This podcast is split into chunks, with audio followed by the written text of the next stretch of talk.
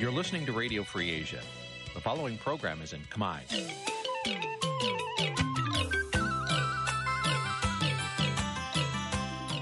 នេះជាកម្មវិធីផ្សាយ Vuthu Azizi Serai នេះជាកម្មវិធីផ្សាយរបស់ Vuthu Azizi Serai ជាភាសាខ្មែរ Vuthu Azizi Serai សូមស្វាគមន៍លោកអ្នកនាងទាំងអស់ពីរដ្ឋធានី Washington នៃសហរដ្ឋអាមេរិកចាប់ពីរដ្ឋធានី Washington នាងខ្ញុំសុកជីវីសូមជម្រាបសួរលោកអ្នកនាងកំពុងតាមដានការផ្សាយរបស់ Vuthu Azizi Serai ទាំងអស់ជាទីមេត្រីចា៎នេះខ្ញុំសូមជូនកម្មវិធីផ្សាយសម្រាប់យប់ថ្ងៃអាទិត្យ8រោចខែចេឆ្នាំថោះបញ្ញស័កពុរសករាជ2567ចាប់ត្រូវនៅថ្ងៃទី11ខែមិថុនាគ្រិស្តសករាជ2023ចា៎ជាដំបូងនេះសូមអញ្ជើញលោកអ្នកនាង ស្ដាប់ព័ត៌មានប្រចាំថ្ងៃដែលមានមេត្តាដូចតទៅ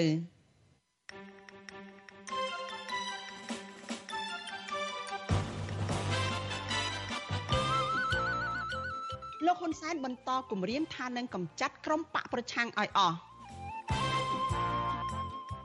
ក្រសួងអប់រំលុបឈ្មោះមន្ត្រីគណៈបកភ្លើងទៀនម្នាក់ចេញពីក្របខ័ណ្ឌមន្ត្រីរាជការ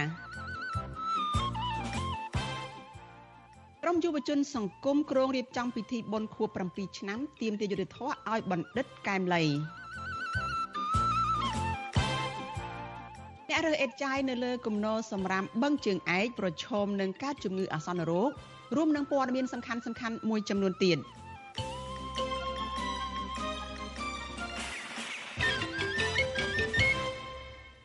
ចាលោកនាងកញ្ញាជាទីមេត្រីចាជាបន្តទៅទៀតនេះនាងខ្ញុំសុជីវីសូមជូនព័ត៌មានទីនេះពិស្ដាចាលោកយមត្រីហ៊ុនសែនប្រកាសជាថ្មីទៀតហើយក្នុងការដាក់ផែនការតាមកំតិចក្រមបកប្រឆាំងឲ្យអស់ដែលលោកអះអាងថា ដើម្បីការពារសន្តិភាពមន្ត្រីបកប្រឆាំងនិងអ្នកវិភាគចាត់ទុកការគម្រាមរបស់លហ៊ុនសែននេះថាជាអំពើខុសច្បាប់ និងជាការភ័យខ្លាចក្រុមបកប្រឆាំងដែលធ្វើឲ្យរង្គោះរង្គើដល់ស្ថិរភាពអំណាចរបស់លោកចាលោកនាងនឹងបានស្ដាប់សេចក្តីរាយការណ៍នេះនៅក្នុងការផ្សាយរបស់យើងនៅពេលបន្តិចទៀតនេះកម្មវិធី Vithu Azizi ស្រីសម្រាប់ទូរស័ព្ទដៃអាចឲ្យលោកអ្នកនាង អានអត្ថបទទស្សនាវីដេអូ និងស្ដាប់ការផ្សាយផ្ទាល់ដោយឥតគិតថ្លៃនិងដោយគ្មានការរំខានដើម្បីអាននិងទស្សនាមេតិការថ្មីថ្មីពី Vithu Azisari លោកអ្នកនាងគ្រាន់តែចុចបាល់កម្មវិធីរបស់ Vithu Azisari ដែលបានដំឡើងរួចរាល់លើទូរស័ព្ទដៃរបស់លោកអ្នកនាងប្រសិនបើលោកអ្នកនាងចង់ស្ដាប់ការផ្សាយផ្ទាល់ឬការផ្សាយចាស់ចាស់ សូមចុចលើប៊ូតុងរូបវិទ្យុដែលស្ថិតនៅផ្នែកខាងក្រោមនៃកម្មវិធីជាការស្រេច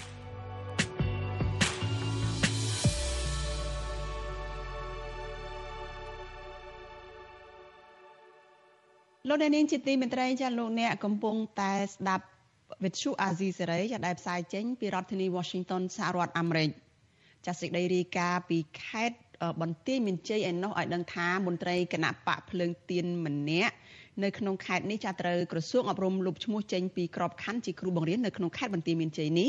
ចាលោកខកចិត្តនឹងចាត់ទុកទង្វើនេះថាជាប់ពាក់ព័ន្ធនឹងរឿងនយោបាយនិងជារឿងអយុត្តិធម៌បំផុតសម្រាប់មន្ត្រីរាជការដែលមាននិន្នាការមិនស្របទៅនឹងមន្ត្រីបកនឹងបកកាន់អំណាចចាមន្ត្រីសង្គមស៊ីវិលអំពាវនាវឲ្យអាជ្ញាធរថាពិចារណារឿងនេះឡើងវិញហើយក្រសួងពាក់ព័ន្ធគួរតែចុះស្រាវជ្រាវបញ្ហានេះជាបន្ទាន់ដើម្បីស្វែងរកការពិត និងប្រកបដោយអព្យាក្រឹតភាពចាសេចក្តីរាយការណ៍អំពីរឿងនេះនឹងមានផ្សាយជូនលោកអ្នកនាងនៅពេលបន្តិចទៀតនេះដែរ ចលនានាងកញ្ញាជាទីមេត្រីចាព័ត៌មានតកតងនឹងការរំលឹកខួបករណីឃាតកម្មលើបណ្ឌិតកែមលីវិញម្ដងចាក្រុមអង្គការសង្គមស៊ីវិលនិងក្រុមយុវជនសង្គមក្រុងធ្វើពិធីបុណ្យខួប7ឆ្នាំនៃការបាញ់សម្លាប់លោកបណ្ឌិតកែមលីនៅថ្ងៃទី10ខែកក្កដាខាងមុខចាការធ្វើពិធីប្រពខួបនេះគឺដើម្បីបង្ហាញពីក្តីនឹងរលឹកទៅដល់គំរូវីរភាព និងបន្តការទៀមទាឲ្យអាជ្ញាធរវេកមុខរកឃាតករពិត ដើម្បីរកយុត្តិធម៌ជូនបណ្ឌិតកែមលីចាពីរដ្ឋធានី Washington លោកជីវិតាមានសេចក្តីរាយការណ៍អំពីរឿងនេះគណៈខួប7ឆ្នាំនៃការបាញ់សម្លាប់បណ្ឌិតកែមលីខិតជិតជោគមកដល់មន្ត្រីសង្គមស៊ីវិលក្រុមយុវជន និងពលរដ្ឋនៅតែបន្តទាមទារឲ្យរដ្ឋាភិបាលស៊ើបអង្កេតដោយឯករាជ្យដើម្បីចាប់ខ្លួនអ្នកពាក់ព័ន្ធទាំងអស់និងឃាតករពិតមកផ្ដន់ទាទោសតាមច្បាប់ដើម្បីផ្ដល់យុត្តិធម៌ដល់ជនរងគ្រោះ ប្រធានសមាគមសម្ព័ន្ធនិស្សិតបញ្ញវន្តខ្មែរលោកកើតសរាយប្រាវិទ្យុអាស៊ីសេរីនៅថ្ងៃទី11មិថុនាថាការប្រពខួប7ឆ្នាំនៃឃាតកម្មលើបណ្ឌិតកែមលីនេះគឺក្រុមយុវជននឹងជួបជុំគ្នានៅមុខហាងកាហ្វេ Star Mart កាល់តិចរាជធានីភ្នំពេញដើម្បីធ្វើពិធីបាំងស្កូលគោរពវិញ្ញាណក្ខន្ធបណ្ឌិតកែមលី តាមព្រះពុទ្ធសាសនា និងជាការពញ្ញាដល់អ្នកនយោបាយឲ្យនិយាយការពិតឈរលើគោលការណ៍ឯករាជ្យ លោកបន្តថាថ្មីត្បិតរយៈពេល7ឆ្នាំនេះបណ្ឌិតកែមលីបានបាត់បង់ជីវិតហើយក្តីក៏យុវជនដែលមានឆន្ទៈបណ្ឌិតកែមលីនៅតែរក្សាគោលជំហរនិយាយការពិត និងធ្វើតាមគំរូវីរភាពរបស់លោកជានិច្ច ប្រសិនបើជាប្រព័ន្ធនីតិរដ្ឋនៅកម្ពុជានៅដូចតែរាល់ថ្ងៃនេះខ្ញុំមិនជឿថានឹងស្វែងរកយុត្តិធម៌ជូនលោកបណ្ឌិតបាននោះទេប្រសិនជាអំពើពុករលួយនៅកម្ពុជានៅតែចាក់ស្រេះបែបនេះដដែលខ្ញុំក៏នៅតែមិនជឿថាយុត្តិធម៌នឹងរកជូនលោកបណ្ឌិតបាននោះទេដរាបណាតឡាការនៅតែមិនបង្ហាញពីភាពជាអំណាចឯករាជ្យមួយឲ្យត្រឹមត្រូវខ្ញុំក៏នៅតែមិនជឿថានឹងមានយុត្តិធម៌សម្រាប់លោកបណ្ឌិត លោកកើតសរាយបន្ថែមថា ការស្លាប់របស់បណ្ឌិតកែមលី គឺជាការស្លាប់មួយដែលទទួលរងនៅភាពអយុត្តិធម៌បំផុត ដែលមិនអាចទទួលយកបានប៉ុន្តែលោកថានេះក៏ជាសារដាស់តឿនទៅដល់រដ្ឋាភិបាលឲ្យស៊ើបអង្កេតរកអ្នកពាក់ព័ន្ធទាំងអស់និងឃាតករពិត ដើម្បីផ្ដល់យុត្តិធម៌ដល់ជនរងគ្រោះលោកបន្ថែមថា ក្រៅពីពិធីរំលឹកខួបនេះ នៅមានការសម្ដែងមតិនៅតាមទីសាធារណៈ ការប្រកួតកីឡាបាល់ទាត់និងការអំពាវនាវដល់អាជ្ញាធរឲ្យឈប់គំរាមកំហែងដល់អ្នកស្រឡាញ់កិច្ចការសង្គមហើយបើកលំហសិទ្ធិសេរីភាពឡើងវិញដោយឡែកយុវជនសកម្មកិច្ចការងារសង្គមលោកនីចន្ទាយល់ឃើញថាការរំលឹកខួប7ឆ្នាំនៃគិតកម្មលើបណ្ឌិតកែមលីនេះគឺជាការផ្ដល់ឱកាសឲ្យយុវជនចំនួនក្រោយស្គាល់បណ្ឌិតកែមលីកាន់តែច្រើនតាមរយៈការចូលរួមប្រកួតបាល់ទាត់និងការសម្ដែងមតិនៅទីសាធារណៈ លោកបន្តថាលោកសោកស្ដាយចំពោះការបាត់បង់វីរៈជនមួយរូបដែលហ៊ានលះបង់ជីវិតដើម្បីបង្ហាញការពិតដូច្នេះនេះគឺជាគំរូមួយដែលយុវជនគ្រប់រូបគួរតែរៀនសូត្រតាមបណ្ឌិតកែមលី ហើយយើងចង់បង្ហាញពីស្មារតីមួយស្មារតីរួបរวมជាក្រុមហើយស្មារតីដែលស្រឡាញ់ពូបណ្ឌិតកែមលីហើយក៏បង្ហាញពីវីរភាពដែលគាត់បានលះបង់ដើម្បីយើងគ្រប់គ្នាហើយយើងក៏បង្ហាញពីស្មារតីរួបរวมគ្នាស្មារតីតែមួយក្នុងការបម្រើដល់ផលប្រយោជន៍រួមធ្វើត្បិតតែនៅក្នុងយើងធៀបទៅនឹងការលេងបាល់ហ្នឹងដូចតែនៅក្នុងគោលដៅមួយអញ្ចឹងធ្វើត្បិតតែអ្នកលេងហ្នឹងមានទុននីតិផ្សេងគ្នាប៉ុន្តែអ្វីដែលយើងចង់បង្ហាញគឺការចូលរួមធ្វើដើម្បីនៅក្នុងគោលបំណងបម្រើនៅផលប្រយោជន៍រួមតែមួយអញ្ចឹងបង ជុំវិញរឿងនេះមន្ត្រីគម្រោងជាន់ខ្ពស់ផ្នែកសិក្សាស្រាវជ្រាវនិងតស៊ូមតិនៃសមាគមបណ្ដាញយុវជនកម្ពុជា កញ្ញាអេងស្រីពៅយល់ឃើញថា ការបាត់បង់បណ្ឌិតកែមលី គឺជាការបាត់បង់ធនធានមួយដ៏កម្រនៅកម្ពុជា ដែលលោកតែងតែគិតគូរពីប្រយោជន៍ជាតិជាធំហ៊ាននិយាយការពិត តែត្រូវបានឃាតករបាញ់សម្លាប់យ៉ាងព្រៃផ្សៃក្នុងទឹកដីរបស់ខ្លួន ដែលជាអំពើមួយឆ្លោះបញ្ចាំងថាប្រជាធិបតេយ្យនៅកម្ពុជា កំពុងដើរថយក្រោយកញ្ញាបន្តថាអញ្ញាធរគួរតែសហការជាមួយក្រុមយុវជន ដើម្បីប្រារព្ធកម្មវិធីនៅថ្ងៃទី10កក្កដាខាងមុខនេះប្រកបដោយភាពល្អប្រសើរជាជាងរារាំងយុវជនមិនឲ្យជួបជុំគ្នាកញ្ញាបន្ថែមថាអំពើអយុត្តិធម៌សង្គមនឹងបន្តកើតឡើងប្រសិនបើអាជ្ញាធរនៅតែបណ្តែតបណ្តោយឲ្យជនល្មើសរួចខ្លួន ដែលនឹងជះឥទ្ធិពលអាក្រក់ដល់សង្គមកម្ពុជា គោលចំហខ្ញុំក្នុងនាមជាយុវជនជំនាន់ថ្មីក៏ដូចជាអ្នកដែលធ្វើការងារតទៅទៅនឹងរឿងការគោរពសិទ្ធិមនុស្សដែរគោលចំហគឺយើងនឹងនៅតែមិនបោះបង់គាត់ចោលទេទោះគាត់ស្លាប់ទៅជាច្រើនឆ្នាំហើយយើងនៅតែបន្តធ្វើការរំលឹកខួបរបស់គាត់ហើយយើងនៅតែបន្តធ្វើសកម្មភាពដែលគាត់បានបង្ហាញយើងមកថានិយាយការពិតជាជាងនិយាយការពៀហើយយើងនឹងមិនចោះចាញ់គ្រាន់តែមានការរារាំងពីអាជ្ញាធរអីផ្សេងផ្សេងទេយើងនៅតែប្រកាន់ខ្ជាប់នៅការងាររបស់យើង អ្នកស្រាវជ្រាវការអភិវឌ្ឍសង្គមនិងជាអ្នកវិភាគនយោបាយដ៏មានប្រជាប្រិយភាពបណ្ឌិតកែមលីត្រូវបានខ្មាន់កំភ្លើងបាញ់សម្លាប់នៅព្រឹកថ្ងៃទី10ខែកក្កដាឆ្នាំ2016នៅឯស្តាម៉ាតក្នុងស្ថានីយ៍លក់ប្រេងឥន្ធនៈកាល់តិចក្នុងរាជធានីភ្នំពេញការបាញ់ប្រហារនេះកើតឡើងក្រោយពីអ្នកវិភាគរូបនេះបានផ្ដល់ការអធិប្បាយដល់បណ្ដាញសារព័ត៌មានអំពីការកាន់កាប់ទ្រព្យសម្បត្តិដ៏ច្រើនសន្ធឹកសន្ធាប់របស់ក្រុមគ្រួសារលោកនាយករដ្ឋមន្ត្រីហ៊ុនសែន ដែលបានលាតត្រដាងនៅក្នុងរបាយការណ៍អង្គការឃ្លាំមើលពិភពលោក Global Witness សំណុំរឿងឃាតកម្មដ៏កក្រើកនេះតុលាការបានផ្តន្ទាទោសបរិសម្នាក់ឈ្មោះអឿតអាង ដែលហៅខ្លួនឯងថាជួបសម្លាប់ឲ្យជាប់ពន្ធនាគារអស់មួយជីវិតផ្អែកតាមចម្លើយសារភាពរបស់បរិសរូបនេះដែលថាគាត់ជាអ្នកបាញ់សម្លាប់លោកកែមលីដោយសារបណ្ឌិតកែមលីមិនព្រមសងប្រាក់ចំនួន3000ដុល្លារ ប៉ុន្តែក្រុមគ្រួសារលោកកែមលីនិងសូម្បីតែក្រុមគ្រួសាររបស់លោកអឿតអាងមិនជឿថាជាការពិតនោះទេព្រោះលោកអឿតអាងគឺជាមនុស្សក្រីក្ររស់នៅតំបន់ដាច់ស្រយាលក្នុងខេត្តសៀមរាបមិនដែលស្គាល់គ្នានិងគ្មានលុយឯណាឲ្យលោកកែមលីខ្ចីនោះទេក្រោយមានការរិះគន់ខ្លាំងៗពីសាធារណជនតុលាការក្រុងភ្នំពេញបានសម្រេចបំបីសំណុំរឿងនេះជា2ដើម្បីស៊ើបអង្កេតរកអ្នកពាក់ព័ន្ធផ្សេងទៀតយកមកផ្ដន្ទាទោស ក៏ប៉ុន្តែតុលាការមិនដែលផ្ដល់ព័ត៌មានស្ដីពីការវិវត្តនៃសំណុំរឿងទី2នេះឡើយរហូតមកដល់ពេលនេះកន្លងទៅភរិយារបស់បណ្ឌិតកែមលីគឺអ្នកស្រីប៊ូរចនាបានចោទប្រកាន់ត្រង់ត្រង់តាម Facebook របស់អ្នកស្រីនិងចេញជាសេចក្តីថ្លែងការណ៍ថា គ្រួសាររបស់លោកនាយករដ្ឋមន្ត្រីហ៊ុនសែននិងរបបលោកហ៊ុនសែនគឺជាអ្នករៀបចំជាប្រព័ន្ធក្នុងការសម្លាប់ស្វាមីអ្នកស្រីដូច្នេះហើយ អ្នកស្រីថាទើបអ្នកផ្ដួចផ្ដើមគំនិត អ្នកផ្ដល់មធ្យោបាយនិងជន់ដៃដល់ពិតប្រកបបន្តរស់នៅក្រៅសំណាញ់ច្បាប់ខ្ញុំជីវិតា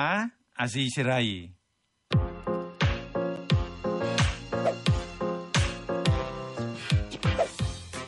តែទូទៅថៃគេថាคนនេះបាจริง ๆ เลยបាមានគាត់នេះឈួតមែនតើមកពួកខ្ញុំចេះចេះថៃប៉ុណ្ណឹងដែរ ចាយើងធ្វើដល់នយោបាយម្ដងម្ដងទៀតមើលខ្ញុំខ្ញុំខ្ញុំខ្ញុំខ្ញុំខំរៀនតាមផងមួយមួយថាម៉េចគុណនេះគុណនេះគុណនេះគឺលោកនេះណាលោកនេះគុណនេះគាត់នេះគាត់នេះបាបាទគាត់ឈួតបាទจริงจริงเลยจริงจริงเลยคุณคุณហ៊ុនសែន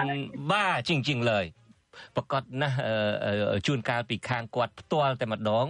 មិនចេញមុខមកទេមិនចង់ចូលមកទេហាក់ដូចជាទាំងលោកនាយករដ្ឋមន្ត្រីខ្លួនឯងនឹងអញ្ជើញយ៉ាងណាក៏ដោយក៏គាត់មិនចូលមកដែរហាក់ដូចជាខ្លាចយើងទៅវិញដូច្នេះខ្ញុំគ្រាន់តែចង់បញ្ជាក់ប្រាប់លោកនាយករដ្ឋមន្ត្រីហ៊ុនសែនប៉ុណ្ណឹងយើងមិនភ្លើទេក្នុងរឿងហ្នឹងបើសិនជាលោកភ្លើភ្លើតែឯងចោះកុំគិតថាគេភ្លើដូចដូចគាត់ដែរ អាស៊ីសេរីនឹងអត់មានចារកម្មទេប៉ុន្តែមានកូនចៅរបស់គាត់នឹងបញ្ជូនព័ត៌មានសម្ងាត់មកឲ្យយើងនឹងជារៀងរាល់ថ្ងៃអញ្ចឹងយើងមិនដឹងយកទៅធ្វើស្ងោជ្រក់ស្ពៃឆាយណាអត់ទេតែយើងមិនព្រមទាំងមើលផងអ្វីដែលផ្ញើមកនឹងយើងក៏វត្តចោលផងព្រោះយើងចង់ផ្ទៀងផ្ទាត់ខ្លួនឯងផ្ទៀងផ្ទាត់ខ្លួនឯង បាទលោកអ្នកនាងកញ្ញាជាទីមេត្រីប្រសិនបើលោកអ្នកនាងខកខានមិនបានស្ដាប់ឬក៏ទស្សនាកម្មវិធី podcast របស់អាស៊ីសេរីកម្ពុជាសប្តាហ៍នេះលោកអ្នកនាងអាចស្វែងរកកម្មវិធី podcast នេះតាមបណ្ដាញ podcast នានាដូចជា Apple Podcast Google Podcast ជាដើម ហើយសូមអញ្ជើញលោកអ្នកនាងសរសេរនៅក្នុងប្រអប់ស្វែងរកថាកម្ពុជាសប្តាហ៍នេះជាភាសាខ្មែរឬមួយ Cambodia This Week ជាភាសាអង់គ្លេសនោះលោកអ្នកនាងនឹងបានឃើញនៅកម្មវិធីរបស់យើងហើយលោកអ្នកនាងអាចស្ដាប់ឡើងវិញបានបាទសូមអរគុណ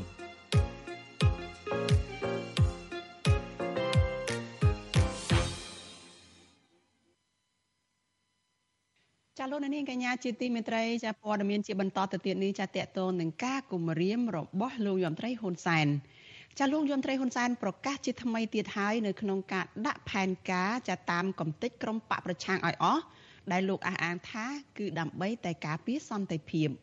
ចាំមន្ត្រីបកប្រឆាំងនៅអ្នកវិភាគចាត់ទុកការគម្រាមរបស់លោកហ៊ុនសែននេះថាជាអំពើខុសច្បាប់និងជាការដែលលោកកំពុងតែភ័យខ្លាចក្រុមបកប្រឆាំងកាន់តែខ្លាំងដែលក្រុមនេះអាចនឹងធ្វើឲ្យរង្គោះរង្គើទៅដល់ស្ថិរភាពអំណាចរបស់លោកចាប់ពីរដ្ឋធានី Washington លោកមានរិទ្ធមានសេចក្តីរាយការណ៍អំពីរឿងនេះជូនលោកអ្នកនាងដូចតទៅ។ ស្របពេលដែលការបោះឆ្នោតជ្រើសតាំងតំណាងរាកាន់តែខិតជិតចូលមកដល់លោកហ៊ុនសានក៏មមាញឹកចោះជួបកម្មករឃោសនារោគសម្លេងឆ្នោតនៅមុនរដូវកាលបោះឆ្នោតដែលកំណត់ដោយច្បាប់ដដែល លោកហ៊ុនសានតែងតែបញ្ចេញសារនយោបាយក្តៅក្រហល់ក្រហាយនិងប្រកាសតាមគំតិគណៈបពប្រឆាំងឥតឈប់ឈរដើម្បីការពារអំណាចតពួយរបស់លោកដោយគ្រាន់តែយកពាក្យថាការពារសន្តិភាពមកបិទបាំងតែប៉ុណ្ណោះ លោកហ៊ុនសានអះអាងថាក្រុមកម្មករដែលមានការងារធ្វើរាល់ថ្ងៃនេះគឺដោយសារតែការដឹកនាំដ៏ត្រឹមត្រូវរបស់គណៈបកប្រជាជនកម្ពុជា ដោយពុំមែនដោយក្រុមគណៈបកប្រឆាំងដែលកន្លងមកលោកថា តែងតែសន្យាជាមួយប្រជាពលរដ្ឋចោលដោយពុំបានដោះស្រាយអ្វីឡើយ មេដឹកនាំរដ្ឋាភិបាលឯកបៈរុងនេះក៏បានចាត់ទុកក្រុមគណបកប្រឆាំងទាំងនោះថាជាក្រុមឧទាមជ្រុលនិយម ដែលលោកត្រូវតែដាក់ផែនការតាមគំនិតពួកគេឲ្យអស់ដើម្បីការពារសន្តិភាពចឹងទេយើងក៏កំពុងរិះរកវិធីដើម្បីកម្ចាត់ក្រុមនេះចោលនិយាយតាមបែបកម្ចាត់នយោបាយជ្រុលនិយមចេញពីកម្ពុជា ដើម្បីធានាថាកម្ពុជានឹងមានសន្តិភាព មានស្ថិរភាពនយោបាយនិងការអភិវឌ្ឍ ដែលពីមួយថ្ងៃទៅមួយថ្ងៃចេះតែមានការកើនឡើងលោកហ៊ុនសានថ្លែងបែបនេះនៅក្នុងពិធីសម្ដែងសម្ដាជាមួយគណៈកម្មការកម្មការនីជិត20000នាក់នៅស្រុកត្រាំកក់ខេត្តតាកែវនៅព្រឹកថ្ងៃទី11ខែមិថុនានេះមិនមែនជាលើកទី1ទេ ដែលលោកហ៊ុនសានប្រមានគំទេចក្រុមប្រឆាំងកាលពីឆ្នាំ2018កន្លងទៅអតីតកម្មាភិបាលខ្មែរក្រហមរូបនេះក៏បានប្រកាសផែនការតាមគំទេចលោកសំរាស៊ីដោយដែលលោកធ្លាប់បានគំទេចប៉ុលពតផងដែរ ទោះជាយ៉ាងណាការលើកឡើងរបស់លោកហ៊ុនសានបែបនេះត្រូវបានមន្ត្រីគណៈបពប្រឆាំងនិងអ្នកវិភាគនយោបាយរិះគន់ថាជាសារនយោបាយប្រជាពិធដើម្បីកេងចំណេញនយោបាយនិងគំរាមកំហែងដល់សកម្មជនគណៈបពប្រឆាំងតែប៉ុណ្ណោះមន្ត្រីគណៈបកសង្គ្រោះជាតិដែលបច្ចុប្បន្នកំពុងភៀសខ្លួននៅប្រទេសថៃលោកមេសធិរា ប្រាវិសុយស៊ីស្រីថាលោកមិនខ្លាចសារគំរាមរបស់លោកហ៊ុនសែននោះទេ លោកបញ្ជាក់ថាការដែលអតីតមេដឹកនាំកម្មាភិបាលខ្មែរក្រហមរូបនេះយកវេទិកាសាធារណៈអួតសរសើរខ្លួនឯងហើយគំរាមដល់ក្រុមបកប្រឆាំងបែបនេះគឺដោយសារតែលោកហ៊ុនសែនព្រួយបារម្ភខ្លាចពួកលោកប្រមូលផ្ដុំគ្នាអមដំណើរប្រធានស្ដីទីគណៈបកសង្គ្រោះជាតិលោកសំរាស៊ីវិលចូលស្រុកវិញនាពេលខាងមុខនេះអ្វីដែលគាត់តែងថាគាត់នឹងកំតិចឲ្យខ្ទេចឲ្យខ្ទេចប៉ុន្តែយើងឃើញស្ដែងចេញវាអត់ដែលចេះខ្ទេចទេអញ្ចឹងបានន័យថាភាសាតែគាត់ខ្ទេចឲ្យអស់វាស្មើនឹងគេហៅថាការប្រឆាំងទៅលើរបបដឹកនាំរបស់លោកហ៊ុនសែននេះកាន់តែផុសផុលលោកហ៊ុនសែនគាត់ធ្វើនយោបាយគាត់អត់មានគេហៅតម្រង់ឬក៏ការសិក្សាស្រាវជ្រាវរបត់ថ្មីក្នុងការធ្វើនយោបាយទេគឺគាត់អនុវត្តនយោបាយចាស់កម្រិលការបង្ក្រាបដោយយកគំនិតបែបកុម្មុយនីសផ្ដាច់ការយកមកប្រើប្រាស់ ដោយឡែកអ្នកវិភាគនយោបាយលោកកឹមសុខវិញលោកមានប្រសាសន៍ថាការដឹកនាំរបស់លោកហ៊ុនសែនធ្វើឲ្យពលរដ្ឋកាន់តែក្រីក្រទៅក្រីក្រទៅនិងមានពលករធ្វើចំណាកស្រុកកាន់តែច្រើនដោយសារតែអត់ការងារធ្វើនៅក្នុងស្រុក លោកកឹមសុខបន្តថាប្រការនេះហើយដែលលោកហ៊ុនសានចេះតែគំរាមដល់សកម្មជនគណបកប្រឆាំងម្ដងហើយម្ដងទៀតដោយសារតែពួកគេមានសាមគ្គីភាពរឹងមាំដែលជាឆ្អឹងទៅតឹងកដល់ស្ថិរភាពអំណាចរបស់មេដឹកនាំរដ្ឋាភិបាលឯកបកនិងធ្វើឲ្យលំបាកដល់ការផ្ទេរអំណាចពីលោកហ៊ុនសានទៅឲ្យកូនប្រុសច្បងរបស់លោក កាលណាលោកហ៊ុនសែនដោះស្រាយបានតិចតួចពេកហើយធ្វើឲ្យសេដ្ឋកិច្ចកម្ពុជានៅតែដុនដាបលេខ9លេខ10នៅក្នុងផ្ទៃក្នុងអាស៊ានកម្មករកម្មការនីបាត់ការងារធ្វើជំពាក់បំណុលកាន់តែវាន់កទាំងរដ្ឋទាំងរាជអញ្ចឹងគឺជាការទទួលខុសត្រូវរបស់លោកហ៊ុនសែនដែលត្រូវទទួលស្គាល់ថាខ្លួនគ្មានសមត្ថភាពនោះទេហើយការគំរាមរបស់គាត់ទៅលើគណៈបកប្រឆាំងមកពីគាត់ទទួលស្គាល់ថា គាត់គ្មានសមត្ថភាពដឹកនាំប្រទេសអញ្ចឹងហើយគម្រាមនឹងបាត់គណៈបកប្រឆាំងមិនអោយប្រកួតប្រជែងបើគាត់មិនធ្វើដូច្នេះទេវានឹងចាញ់គណៈបកប្រឆាំងជាក់ស្ដែងតែម្ដងរបាយការណ៍របស់អង្គការ Liga do ចេញផ្សាយកាលពីឆ្នាំ2020បង្ហាញថាពលរដ្ឋកម្ពុជាជាង3លាន6សែនគ្រួសារកំពុងជំពាក់បំណុលមីក្រូហិរញ្ញវត្ថុវ៉ាន់កនៅក្នុងម្នាក់ម្នាក់មិនតិចជាង4000ដុល្លារ ចំណែកឯរដ្ឋាភិបាលឯកបៈរបស់លោកហ៊ុនសែនវិញគិតត្រឹមដំណាច់ឆ្នាំ2022កំពុងជំពាក់បំណុលបរទេសសរុបជិត10000លានដុល្លារដោយឡែករបាយការណ៍របស់ក្រសួងកាងារឲ្យដឹងថាគិតត្រឹមដំណាច់ឆ្នាំ2022មានពលករកម្ពុជាកំពុងស្នាក់នៅនិងធ្វើការនៅប្រទេសថៃសរុបជាង1លាន2សែននាក់ ក៏ប៉ុន្តែអង្គការសង្ត្រាល់បានប៉ាន់ប្រមាណថាពលករខ្មែរដែលកំពុងរស់នៅនិងធ្វើការនៅក្នុងប្រទេសថៃដោយស្របច្បាប់និងមិនស្របច្បាប់មានប្រមាណ2លាននាក់អ្នកវិភាគនយោបាយលោកកឹមសុខមើលឃើញថាប្រការនេះហើយដែលធ្វើឲ្យលោកហ៊ុនសែនព្រួយបារម្ភខ្លាចពលរដ្ឋមួយចំនួនមិនទៅបោះឆ្នោតនៅខែកក្កដាខាងមុខហើយងាកទៅគ្រប់គ្រងគណៈបកប្រឆាំង លោករិះគន់ថាលោកហ៊ុនសានអាចរក្សាតួនាទីធ្វើជានាយករដ្ឋមន្ត្រីនៅក្នុងរយៈពេលជិត40ឆ្នាំមកនេះគឺដោយសារលោកធ្វើរដ្ឋប្រហាររំលោភរដ្ឋធម្មនុញ្ញជាពិសេសរបៀបដឹកនាំបែបផ្ដាច់ការតែម្ដងនៅក្នុងរយៈពេលប្រមាណឆ្នាំចុងក្រោយនេះស្នាដៃដ៏លេចធ្លោរបស់លោកហ៊ុនសែនគឺយុទ្ធនាការកំទេចគណៈបពប្រឆាំងនិងបង្ក្រាបលើសម្លេងរិះគន់ឥតស្រាកស្រានដើម្បីឲ្យលោកអាចបន្តគ្រប់គ្រងអំណាចតទៅទៀត ខ្ញុំបានមេរិត Visual C ស្រីពីរដ្ឋធានី Washington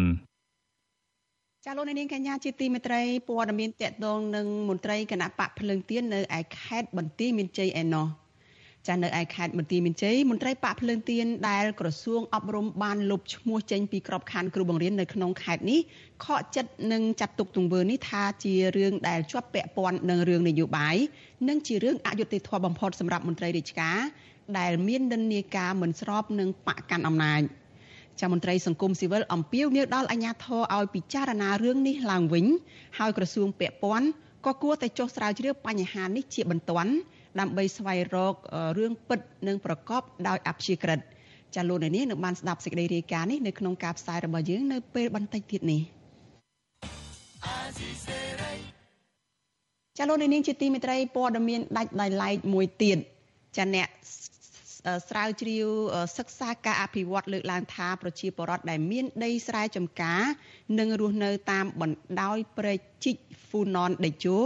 អាចនឹងរងគ្រោះពីគម្រោងព្រែកជីក ដែលបើកផ្លូវទឹកទៅកាន់សមុទ្រមួយនេះប្រសិនបើរដ្ឋាភិបាលនៅតែមិនទទួលស្គាល់សម្លេងប្រជាពលរដ្ឋដែលរងគ្រោះទេនោះចាការលើកឡើងដូចនេះធ្វើឡើងបន្ទាប់ពីរដ្ឋាភិបាលលហ៊ុនសែនបានបង្កើតឲ្យមានគណៈកម្មការអន្តរក្រសួងមួយដើម្បីដំណើរការអនុវត្តគម្រោងផ្លូវនាវាចរព្រែកជីកហ្វូណនដេជោ អ្នកស្រាវជ្រាវការអភិវឌ្ឍសង្គមលើកឡើងថាដោយសារតែអភិបាលកិច្ចនៅកម្ពុជានៅមានភាពទន់ខ្សោយដូច្នេះប្រជាពលរដ្ឋដែលមានដីធ្លីចំគម្រោងអភិវឌ្ឍរបស់រដ្ឋាភិបាលនេះគឺរដ្ឋាភិបាលតែងគឺពួកគាត់តែងតែមានក្តីព្រួយបារម្ភថាมันអាចនឹងទទួលបានសំណងសមរម្យពីផលប៉ះពាល់ទៅលើដីធ្លីរបស់ពួកគាត់អ្នកស្រាវជ្រាវការអភិវឌ្ឍសង្គមលោកបណ្ឌិតមាសនេះលើកឡើងថាបើទោះបីជាគម្រោងប្រែកជីកដែលជួ បើទោះបីជាគម្រោងប្រែកជីកចាដេជោហ្វូណនជួយសម្រួលការដឹកជញ្ជូនតាមផ្លូវទឹកនិងអាចជួយលើកកម្ពស់សេដ្ឋកិច្ចជាតិក្តីប៉ុន្តែលោកនៅតែបារម្ភថាគម្រោងដែលចាយទឹកប្រាក់រាប់ពាន់លានដុល្លារអាមេរិកនេះអាចនឹងធ្វើឲ្យប៉ះពាល់ទៅដល់ប្រជាពលរដ្ឋនៅក្នុងមូលដ្ឋាន ដែលមានដីនៅអមសងខាងប្រជិក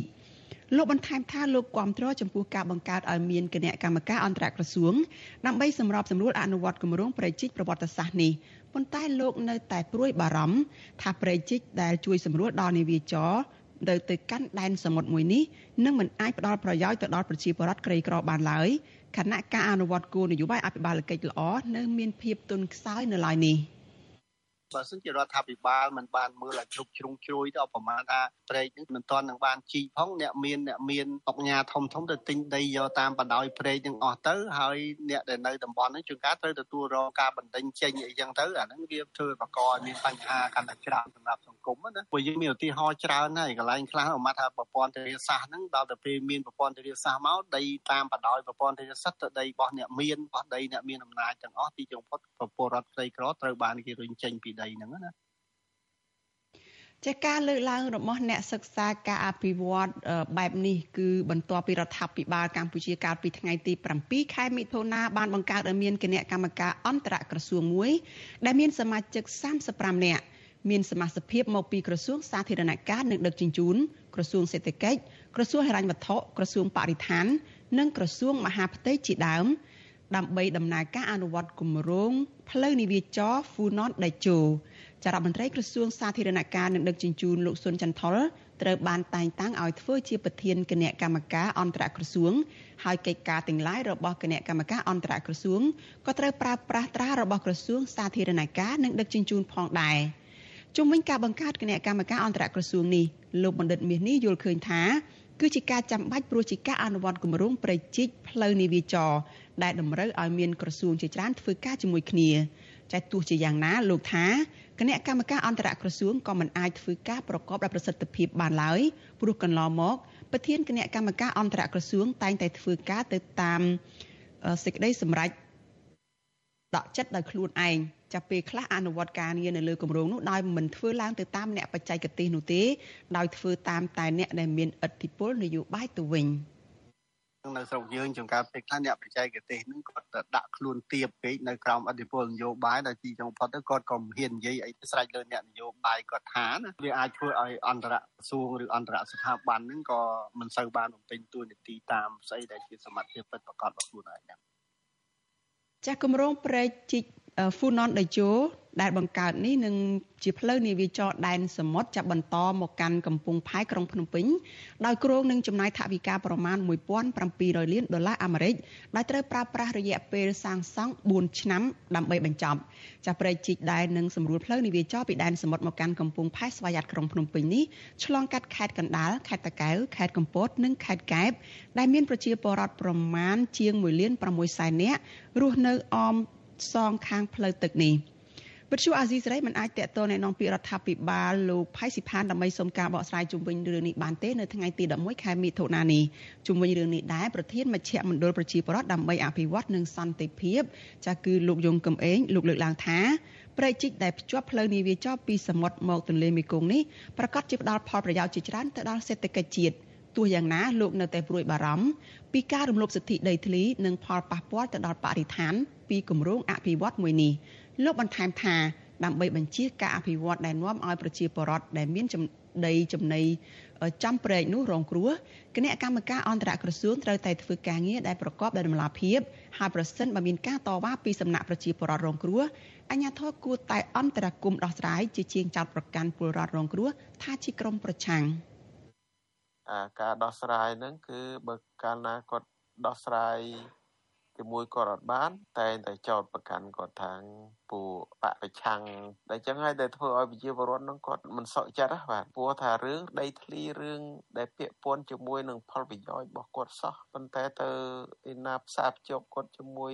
អ្នកនេះអ្នកនោះជួនកាលផ្សារភ្ជាប់គាត់ទៅណាក្រមជ្រុលនិយម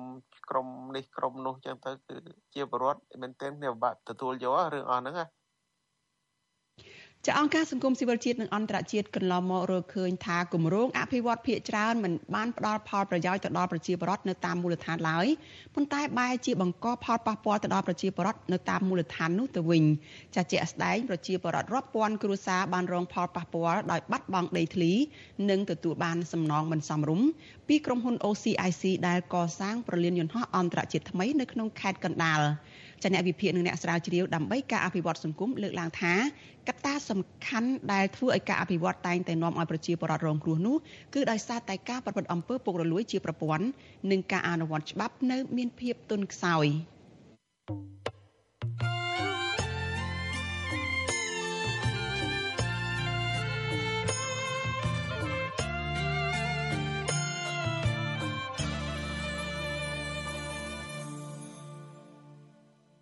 ចាលោកអ្នកនាងកញ្ញាជាទីមេត្រីលោកអ្នកកំពុងស្ដាប់វិទ្យុអាស៊ីសេរីចាដែលផ្សាយផ្ទាល់ពីរដ្ឋធានី Washington សហរដ្ឋអាមេរិកចាព័ត៌មានជាបន្តទៅទៀតនេះចាតកតងទៅនឹងមន្ត្រីគណៈបកភ្លើងទៀននៅឯខេត្តបន្ទាយមានជ័យមន្ត្រីគណៈបកភ្លើងទៀនដែលត្រូវក្រសួងអប់រំលុបឈ្មោះចេញពីក្របខ័ណ្ឌគ្រូបង្រៀននៅឯខេត្តបន្ទាយមានជ័យខកចិត្តនឹងចាត់ទុកទង្វើនេះថាជាប់ពាក់ព័ន្ធនៅរឿងនយោបាយនិងអយុត្តិធម៌បំផុតសម្រាប់មន្ត្រីរាជការដែលមាននិន្នាការមិនស្របនឹងគណៈបកកាន់អំណាច។ មន្ត្រីសង្គមស៊ីវិលអំពីវនេះដល់អាជ្ញាធរឲ្យពិចារណារឿងនេះឡើងវិញហើយក្រសួងពាក់ព័ន្ធគួរតែចុះស្រាវជ្រាវបញ្ហានេះជាបន្ទាន់ដើម្បីស្វែងរកការពិតប្រកបដោយអព្យាក្រឹតចាចាលោកមានរិទ្ធមានសេចក្តីរាយការណ៍មួយទៀតអំពីរឿងនេះជូនលោកអ្នកនាង។ មន្ត្រីគណៈបកភ្លើងទៀនស្នើដល់ក្រសួងអប់រំយុវជននិងកីឡាឲ្យពិចារណាក្នុងការផ្ដល់ក្របខ័ណ្ឌគ្រូបង្រៀនដល់លោកវិញពីព្រោះលោកមិនបានប្រព្រឹត្តផ្ទុយពីវិជ្ជាជីវៈមន្ត្រីរាជការដោយតាមការចោទប្រកាន់នោះទេប្រធានគណៈកម្មាធិការប្រតិបត្តិនៃគណៈបកភ្លើងទៀនប្រចាំខេត្តបន្ទាយមានជ័យលោកសិនវត្ថាប្រាវិសុយស៊ីស្រីថា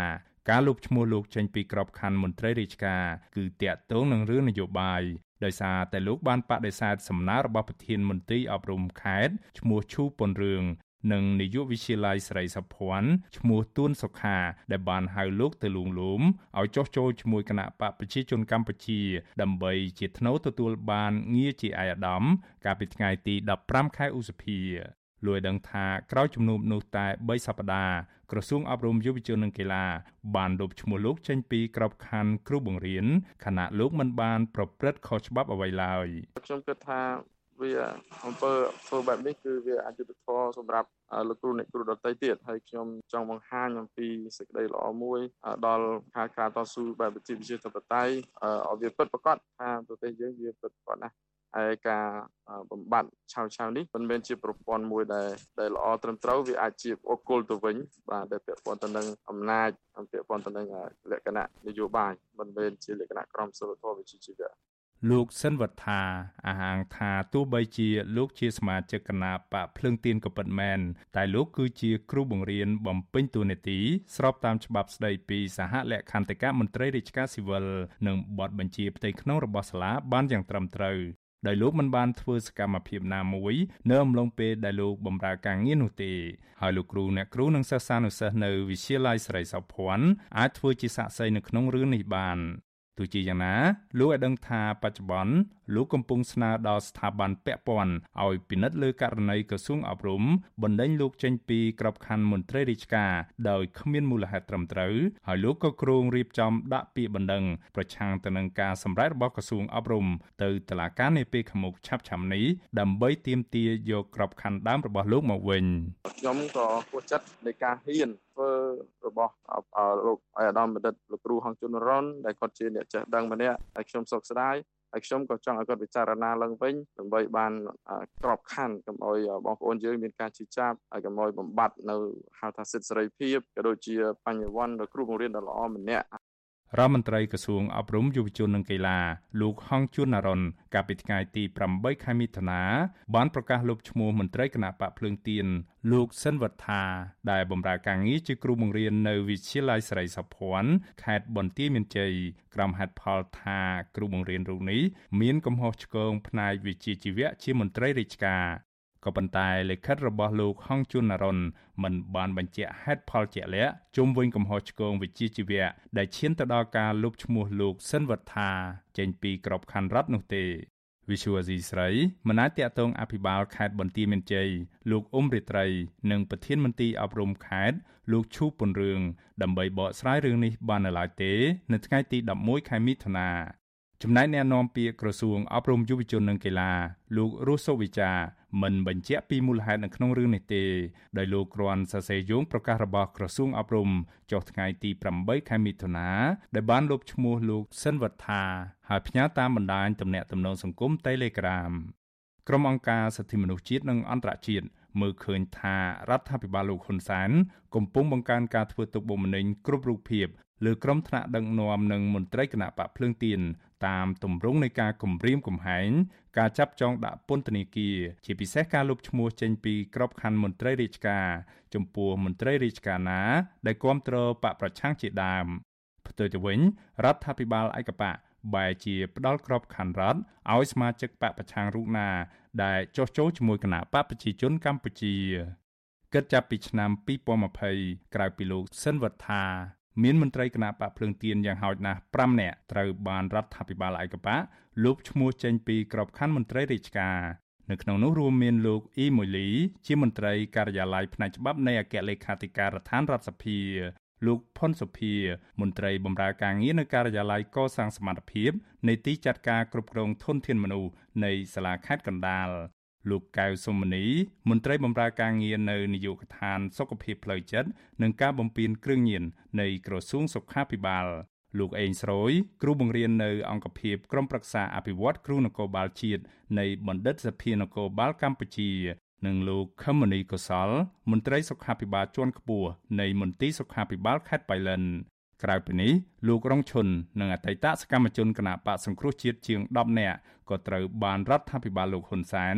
លុបឈ្មោះជាបុគ្គលិកអប់រំនិងគ្រូបង្រៀនចេញពីក្របខ័ណ្ឌរដ្ឋដែរកាលពីឆ្នាំ2018ជាងនេះទៅទៀតអ្នកខ្លះមិនត្រឹមតែអស់ក្របខ័ណ្ឌរដ្ឋនោះទេ ពួកគេថែមទាំងត្រូវបានអាជ្ញាធរលោកហ៊ុនសែនចាប់ដាក់គុកជាបន្តបន្ទាប់ទៀតផង ជុំវិញរឿងនេះប្រធានមជ្ឈមណ្ឌលប្រជាពលរដ្ឋដើម្បីអភិវឌ្ឍនិងសន្តិភាពលោកយងកំឯងយល់ថាបើសិនលោកសិនវត្ថាមានកំហុសឆ្គងផ្នែកវិជ្ជាជីវៈមែននោះនោះថ្នាក់លើគួរតែក៏ហៅលោកទៅសួរនាំរោគពីមូលហេតុពិតប្រាកដ ឬស៊ើបអង្កេតដោយដំណាភាពនិងផ្អែកតាមច្បាប់ដើម្បីបញ្ជាកុំឲ្យមានការរិះគន់ពីមតិមហាជន ថាការលុបឈ្មោះសមាជិកគណៈបកប្រឆាំងចេញពីក្របខ័ណ្ឌរដ្ឋកន្លងមកនេះជាប់ពាក់ព័ន្ធនឹងការរើសអើងផ្នែកនយោបាយបបើសិនជាបញ្ហានេះត្រូវបានធ្វើតែចំពោះគណៈបកណាមួយនោះបាទអានឹងវាអាចឈានទៅដល់ការដែលគេតែងតែលើកឡើងអំពីការរើសអើងខាងនយោបាយកាលណាតែមានការរើសអើងខាងនយោបាយហ្នឹងគឺវាធ្វើឲ្យអសកម្មនៅក្នុងដំណើរការប្រជាធិបតេយ្យហើយក៏វាធ្វើឲ្យមានការប៉ះពាល់ទៅដល់សិទ្ធិនយោបាយរបស់ប្រជាពលរដ្ឋដែរនេះជារឿងមួយសំខាន់លោកសិនវត្ថារៀនចប់ថ្នាក់បរិញ្ញាបត្រធនាគារនិងហិរញ្ញវត្ថុនៅវិទ្យាស្ថានជាតិអប់រំលោកបានចូលបម្រើការងារជាគ្រូបង្រៀនអស់រយៈពេល16ឆ្នាំ គឺគិតចាប់ពីខែមករាឆ្នាំ2007ក្រៅពីការងារជាមន្ត្រីរាជការ លោកតែងតែចូលរួមនៅក្នុងសកម្មភាពនយោបាយជាមួយគណៈបកសង្គ្រោះជាតិនៅមុនពេលតឡាការកម្ពុជារំលាយគណៈបកនេះកាលពីឆ្នាំ2017បច្ចុប្បន្នលោកសិនវត្ថាជាប្រធានគណៈកម្មាធិការប្រតិបត្តិនៃគណៈបកភ្លើងទៀននិងឈរឈ្មោះជាបេក្ខជនតំណាងរាស្ត្រលេខរៀងទី3នៅក្នុងបញ្ជីដែលកោចបោមិនអនុញ្ញាតឲ្យគណៈបកភ្លើងទៀនចូលរួមការបោះឆ្នោតនាពេលខាងមុខនេះ មន្ត្រីបពប្រឆាំងនិងអ្នកខ្លំមើលសង្គមពិនិត្យឃើញថាលោកហ៊ុនសែនកំពុងប្រើប្រាស់អំណាចដើម្បីប្រព្រឹត្តអំពើពុករលួយផ្នែកនយោបាយយ៉ាងសកម្មរូបភាពនៃការប្រព្រឹត្តអំពើពុករលួយនយោបាយនោះគឺលោកហ៊ុនសានកំពុងប្រើវិធីបញ្ចុះបញ្ចូលផងលួងលោមផង និងគំរាមកំហែងផងឲ្យក្រុមអ្នកដែលរិះគន់លោកដូចជាអ្នករិះគន់តាមបណ្ដាញសង្គមអ្នកសារព័ត៌មានគ្រូបង្រៀនសកម្មជននយោបាយបកប្រឆាំងនិងសកម្មជនសង្គមជាដើមឲ្យបដូរជំហរងាកមកបម្រើផលប្រយោជន៍នយោបាយដល់ក្រុមគ្រួសាររបស់លោកផលប្រយោជន៍ដែលលោកហ៊ុនសានផ្ដល់ឲ្យក្រុមអ្នករិះគន់ទាំងនោះគឺការតែងតាំងតួនាទីនៅក្នុងស្ថាប័នរដ្ឋដោយមិនចាំបាច់ប្រឡងហើយទទួលបានប្រាក់ខែដ៏ច្រើនពីកញ្ចប់ថវិកាជាតិ ដែលប្រជាពលរដ្ឋគ្រប់រូបខំបង់ពន្ធជាទូទៅអ្វីត្បិតពួកគេទទួលបានតួនាទីរដ្ឋហើយស៊ីប្រាក់ខែរដ្ឋក៏ដោយក៏ការងារស្នូលរបស់ពួកគេ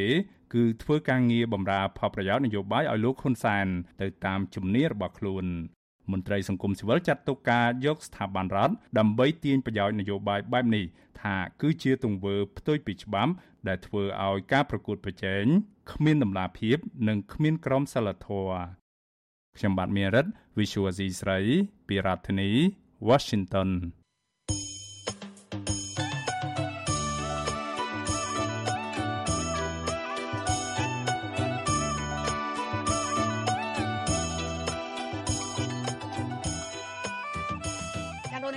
ជាទីមេត្រីចាដំណើរគ្នានឹងស្ដាប់ការផ្សាយផ្ទាល់របស់ Vithu Azizi សេរីចាតាមរយៈបណ្ដាញសង្គម Facebook YouTube និង Telegram ចាលោកនាងក៏អាចស្ដាប់ការផ្សាយរបស់យើងចាតាមរយៈ Vithu រលកធាតុអាកាសខ្លីចា Post SW តាមកម្រិតនិងកម្ពស់ដូចតទៅនេះពេលព្រឹកចាប់ពីម៉ោង5កន្លះដល់ម៉ោង6កន្លះចាតាមរយៈ Post SW 12.14 MHz ស្មើនឹងកម្ពស់ 25m និង Post SW 13.71 MHz ស្មើនឹងកម្ពស់ 22m ចាប់ពេលយប់ចាប់ពីម៉ោង7កន្លះដល់ម៉ោង8កន្លះតាមរយៈ post SW 9.33 MHz ស្មើនឹងកម្ពស់ 32m ចាប់ post SW 11.88 MHz ស្មើនឹងកម្ពស់ 25m និង post SW 12.14 MHz ស្មើនឹងកម្ពស់ 25m ចាសសូមអរគុណ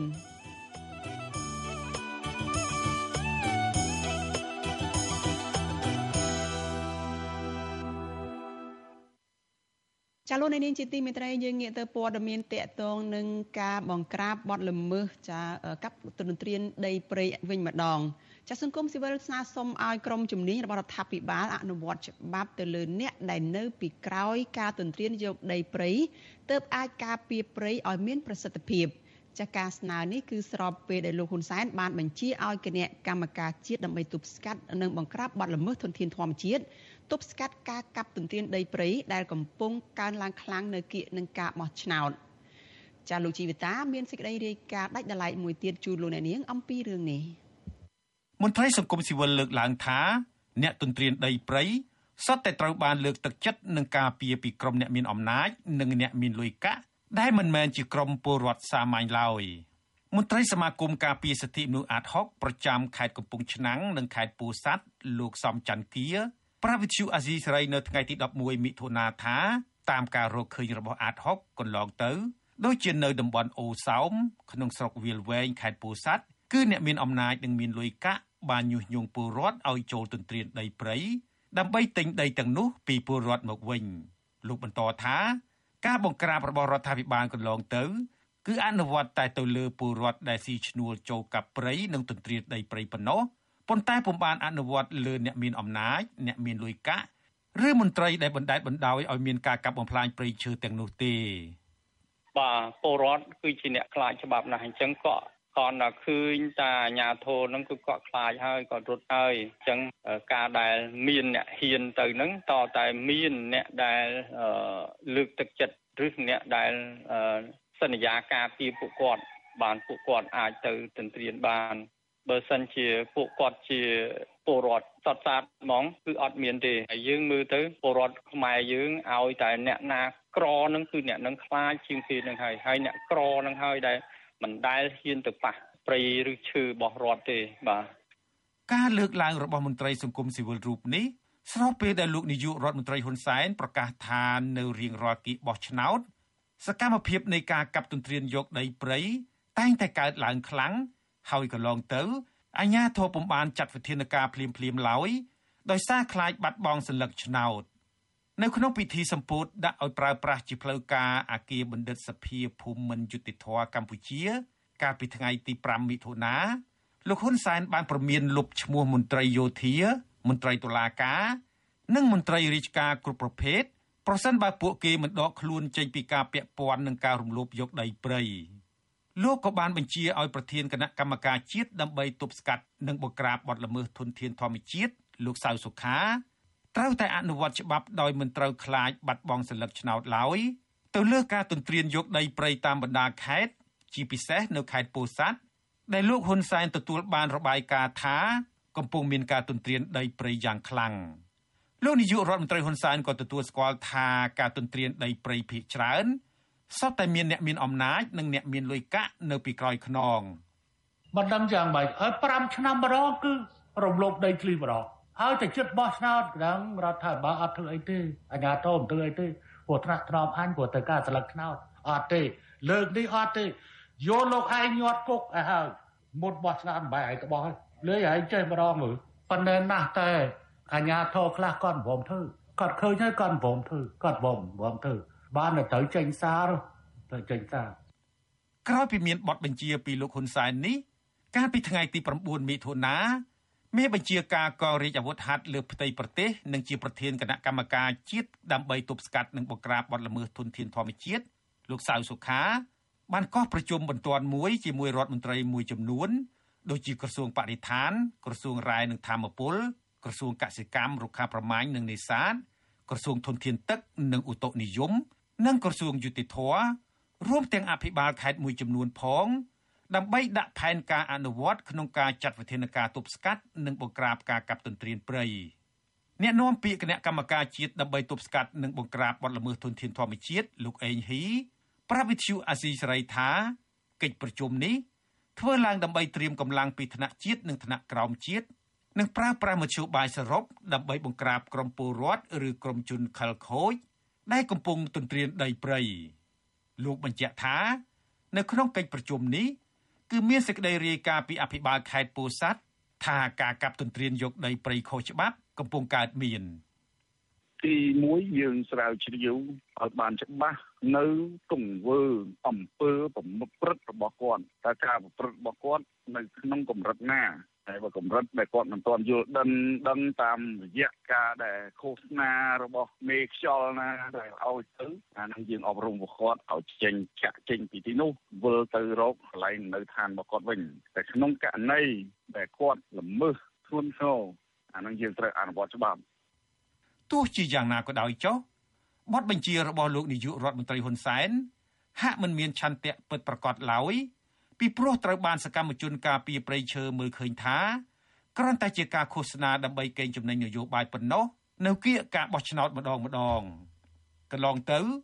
សកម្មជនការពីប្រៃឈើតែងតែលើកឡើងថាអ្នកដែលបង្កវិនិស្សកម្មដល់ប្រៃឈើ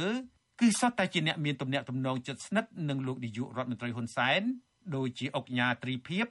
ដែលល្បីថាជាឈ្មោះកាប់បំផ្លាញព្រៃឈើដ៏ធំបំផុត ពុំមានមន្ត្រីជំនាញណាហ៊ានហៅលោកត្រីភិបទៅសួរនាំដើម្បីចាត់វិធានការតាមច្បាប់ឡើយខ្ញុំជីវិតាអាស៊ីសេរីចាលោកនាងកញ្ញាជាទីមេត្រីលោកអ្នកកំពុងស្ដាប់វិទ្យុអាស៊ីសេរីចាប់ផ្សាយចេញពីរដ្ឋធានី Washington សហរដ្ឋអាមេរិកចាព័ត៌មានជាបន្តទៅទៀតនេះចាតកតងនឹងស្ថានភាពរស់នៅរបស់ពលរដ្ឋក្រីក្រដែលជាអ្នករើសសម្រាមនៅឯបឹងជើងឯក ចាប់ប្រជាពលរដ្ឋក្រីក្ររស់នៅលើគំនរសម្រាមនៅបឹងជើងឯកកំពុងព្រួយបារម្ភថាអាចនឹងកើតមានជំងឺអាសន្នរោគនិងជំងឺផ្សេងផ្សេងទៀតបន្ទាប់ពីមានភ្លៀងធ្លាក់នៅរដូវវស្សាពួកគេស្នើរដ្ឋាភិបាលឲ្យជួយយកចិត្តទុកដាក់ដល់បញ្ហាសុខភាព និងគួរគិតគូរពីជីវភាពដល់ជនក្រីក្រដូចពួកគេចាលោកយ៉ងច័ន្ទរាមានសេចក្តីរាយការណ៍អំពីរឿងនេះជូនលោកអ្នកនាងដូចតទៅគំនរសម្រាមបឹងជើងឯកស្ថិតនៅក្នុងខណ្ឌដង្កោរាជធានីភ្នំពេញ បានក្លាយជាកន្លែងប្រកបមុខរបររបស់ប្រជាពលរដ្ឋក្រីក្រ ដែលគ្មានចំណេះដឹងគ្មានការងារធ្វើក្មេងដែលគ្មានទីពឹង និងគ្មានទីលំនៅពិតប្រាកដផ្អែកតាមតំណាងសហគមន៍អ្នករើសម្រាមបច្ចុប្បន្នគំនរសម្រាមបឹងជើងឯកគឺជាទីពឹងសម្រាប់ជីវិតរបស់ប្រជាជនក្រីក្រ ប្រមាណ100គ្រួសារដែលរស់នៅលើ និងនៅជាប់នឹងគំនរសម្រាមទីនោះតែម្ដងនិងសម្រាប់មនុស្សប្រមាណ700គ្រួសារផ្សេងទៀត ដែលរស់នៅទីកន្លែងផ្សេង តែពឹងផ្អែកសម្រាប់ទ្រទ្រង់ជីវិត ចង់មិនចង់ពួកគេចាត់ទុកសម្រាមជាទ្រព្យសម្បត្តិរបស់ពួកគេក៏ប៉ុន្តែបច្ចុប្បន្ននេះពួកគេប្រឈមមុខទៅនឹងការកើតជំងឺអាសន្នរោគនិងជំងឺផ្សេងផ្សេងទៀតនៅពេលដែលមានភ្លៀងធ្លាក់នៅក្នុងរដូវវស្សាលោកខឹមសារ៉េតវ័យ53ឆ្នាំ មកពីខេត្តតាកែវគឺជាអ្នករើសអេតចាយនិងរស់នៅលើគំនរសម្រាមនេះអស់រយៈពេល7ឆ្នាំមកហើយ លោករៀបរាប់ទាំងខ្លួនជាប់ក្លិនស្អុយប្រាប់វិទ្យុអាស៊ីសេរីនៅថ្ងៃទី7ខែមិថុនាថាប្រជាពលរដ្ឋរស់នៅលើគំនរសម្រាមបង្ខំចិត្តតស៊ូរើសអេតចាយទាំងខ្លួនកំពុងមានជំងឺពីព្រោះតែជីវភាពពួកគាត់ខ្វះខាត ចំណែកអ្នកខ្លះទៀតតស៊ូរើសអេតចាយទាំងយប់ទាំងថ្ងៃដើម្បីរកលុយផ្គត់ផ្គង់ឲ្យកូនតូចតូចបានចូលរៀនបរិះរូបនេះរៀបរាប់ទាំងទឹកមុខក្រៀមក្រំថា ពួកលោកតែងតែទទួលនឹងការរើសអើង ពីសំណាក់សាធារណជនមួយចំនួនដោយសារពួកលោកជាអ្នករើសអេតចាយនៅលើគំនរសម្រាមមិនសូវមានអ្នករាប់រកហើយជាជនទីទាល់ក្រដែលមិនមានទីលំនៅសមរម្យដូចគេឯងលោកបន្ថែមថាពួកលោកអាចរើសអេតចាយបានប្រាក់ពី30000រៀលទៅ50000រៀលក្នុងមួយថ្ងៃនិងចំណាយទៅវិញក្នុងមួយថ្ងៃសល់ប្រមាណ15000រៀល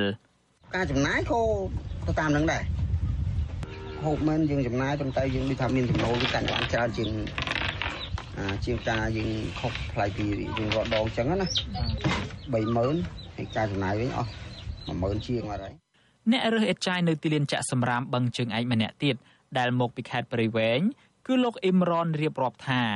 រូបលោកភ័យខ្លាចនិងព្រួយបារម្ភយ៉ាងខ្លាំងនៅពេលដែលរដូវវស្សាចូលមកដល់ដោយសារតែប្រឈមទៅនឹងមេរោគជាច្រើន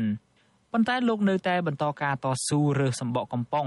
ដបទឹកសុទ្ធផ្លាស្ទិក សម្បកឡាំងដែកយកទៅលក់ដើម្បីជីវភាពគ្រួសារនិងកូនកូនបានចូលរៀនតែឈឺចេញមកទឹកអាសន្នរោគអត់មានអីទេចឹងនៅពីឈរមុខនឹងជំងឺហ្នឹងអាសន្នរោគនឹងបើមើលតាន់តាន់មើលមិនតាន់ងាប់មិនមកហើយខ្លាំងល្អដែរបើថែប្រាំងវាមិនទៅអីពូអាចាប់ដើមដាក់ទឹកភ្លៀងហ្នឹងយើងប្រឈរមុខដឹងតែចំមិនដាច់អីមួយតមួយមួយតមួយអ្នករើចាយទាំងអស់គឺឈឺចង់គ្រប់គ្នា លោកអ៊ីមរ៉នមានកូនចំនួន4នាក់ប្រុស2នាក់ស្រី2នាក់ហើយបច្ចុប្បន្នកូនរបស់លោកចំនួន3នាក់បានចូលរៀនចំណែកកូនប្រុសច្បង និងភរិយារបស់លោក ជួយរើសអេតចាយលោកបានសង់ខ្ទមតូចមួយនៅក្បែរកំណោសម្រាម ដែលមានភក់ជ្រាំដើម្បីស្នាក់នៅជាមួយគ្រួសាររីឯប្រាក់ចំណូលបានមកពីការរើសសម្រាមមិនអាចចាយវាយគ្រប់គ្រាន់នោះទេដោយសារតែម្ហូបអាហារនិងសម្ភារៈប្រើប្រាស់ប្រចាំថ្ងៃមួយចំនួនឡើងថ្លៃពេក ក្រមប្រជាពលរដ្ឋនៅលើគំនរសម្រាមស្នើទៅរដ្ឋាភិបាលឲ្យយកចិត្តទុកដាក់ទៅលើពួកគាត់ដែលសុទ្ធសឹងតែជាអ្នកទីទាល់ក្រនិងគ្មានជំរឿទើបចាប់យកទីតាំងចាក់សម្រាមជាកន្លែងរស់នៅ និងរើសអេតចាយធ្វើជារបរដើម្បីចិញ្ចឹមជីវិតវិទ្យុអាស៊ីសេរីមិនអាចសុំការអធិប្បាយរឿងនេះពីអ្នកនាំពាក្យរដ្ឋាភិបាលលោកផៃស៊ីផាន និងអ្នកនាំពាក្យក្រសួងសង្គមគិច្ចអតីតយុទ្ធជន និងយុវនីតិសម្បទាគឺលោកតូចច័ន្ទនីបានទេ នៅថ្ងៃទី7ខែមិថុនាជុំវិញបញ្ហានេះនាយកទទួលបន្ទុកកិច្ចការទូតនៃអង្គការសិទ្ធិមនុស្សលីកាដូលោកអមសំអាតថ្លែងថាប្រជាពលរដ្ឋមានសិទ្ធិទទួលបានសេវាសុខភាពគ្រប់គ្នាហើយបើប្រជាពលរដ្ឋមិនមានកន្លែងរស់នៅសមរម្យទេរដ្ឋាភិបាលគួរតែគិតគូរដល់ពួកគាត់តាមរយៈការផ្ដល់ដីសម្បត្តិសង្គមគិច្ចឬទីកន្លែងឲ្យសមរម្យសម្រាប់ចែកជូនពួកគាត់ យើងលើកទឹកចិត្តហើយនឹងសូមអភិវឌ្ឍសម្រាប់រដ្ឋាភិបាលលោកពិនិត្យមើលទៅលើបញ្ហាទាំងអស់ហ្នឹងណាសម្រាប់បងប្អូនប្រជាពលរដ្ឋដើម្បីកុំឲ្យគាត់រស់នៅកន្លែងមួយដែលធ្វើឲ្យប៉ះពាល់ទៅដល់សុខភាពរបស់ពួកគាត់ធ្ងន់ធ្ងរនោះសេចក្តីប្រកាសព័ត៌មានរបស់ក្រសួងផែនការស្តីពីខ្សែបន្ទាត់ភាពក្រីក្រថ្មី និងអត្រាភាពក្រីក្រនៅកម្ពុជា ឆ្នាំ2019-2020ឲ្យដឹងថាប្រជាជនប្រមាណ17.8% នៃប្រជាជនកម្ពុជាសរុបជាង16លាននាក់បានរស់នៅក្រោមបន្ទាត់នៃភាពក្រីក្រ នៅក្នុងនោះអត្រាភាពក្រីក្រនៅភ្នំពេញមានចំនួន4.2%តំបន់ទីប្រជុំជនផ្សេងទៀតមានចំនួន12.6%និងនៅតំបន់ជនបទមានចំនួន22.8%ខ្ញុំយ៉ងច័ន្ទដារាវិទ្យុអាស៊ីសេរី Washington ចាលោកនាងជាទីមេត្រីយើងងាកទៅព័ត៌មានតកតងនឹងពលករខ្មែរដែលចំណាក់ស្រុកទៅរកការងារធ្វើនៅក្នុងប្រទេសថៃឯណោះវិញចាពលករខ្មែរមួយក្រុមដែលធ្វើដំណើរទៅដល់ប្រទេសថៃដើម្បីរកការងារធ្វើចាគ្មានប្រាក់បន្តដំណើរទៅមុខបានសុំការិយាល័យរបស់អង្គការសង្ត្រាល់ស្នាក់នៅបណ្ដោះអាសន្នចាក្រុមពលករថ្មីថ្មីទាំងនោះក៏ឆ្លៀតរកឆ្លៀតពេលរកត្រីនៅតាមបឹងប្រឡាយនៅក្នុងប្រទេសថៃនោះ ដើម្បីធ្វើម្ហូបជួយសម្រួលជីវភាពបានខ្លះចាសសូមស្ដាប់សេចក្តីរាយការណ៍របស់លោកសេកបណ្ឌិតអំពីរឿងនេះថ្ងៃចុងសប្តាហ៍ជាថ្ងៃពលករគ្រប់គ្នាសម្រាប់ពីការងារប៉ុន្តែពលរដ្ឋមួយក្រុមអ្នកខ្លះទើបចូលធ្វើការងារនៅប្រទេសថៃបានមួយសប្តាហ៍ឬពីរសប្តាហ៍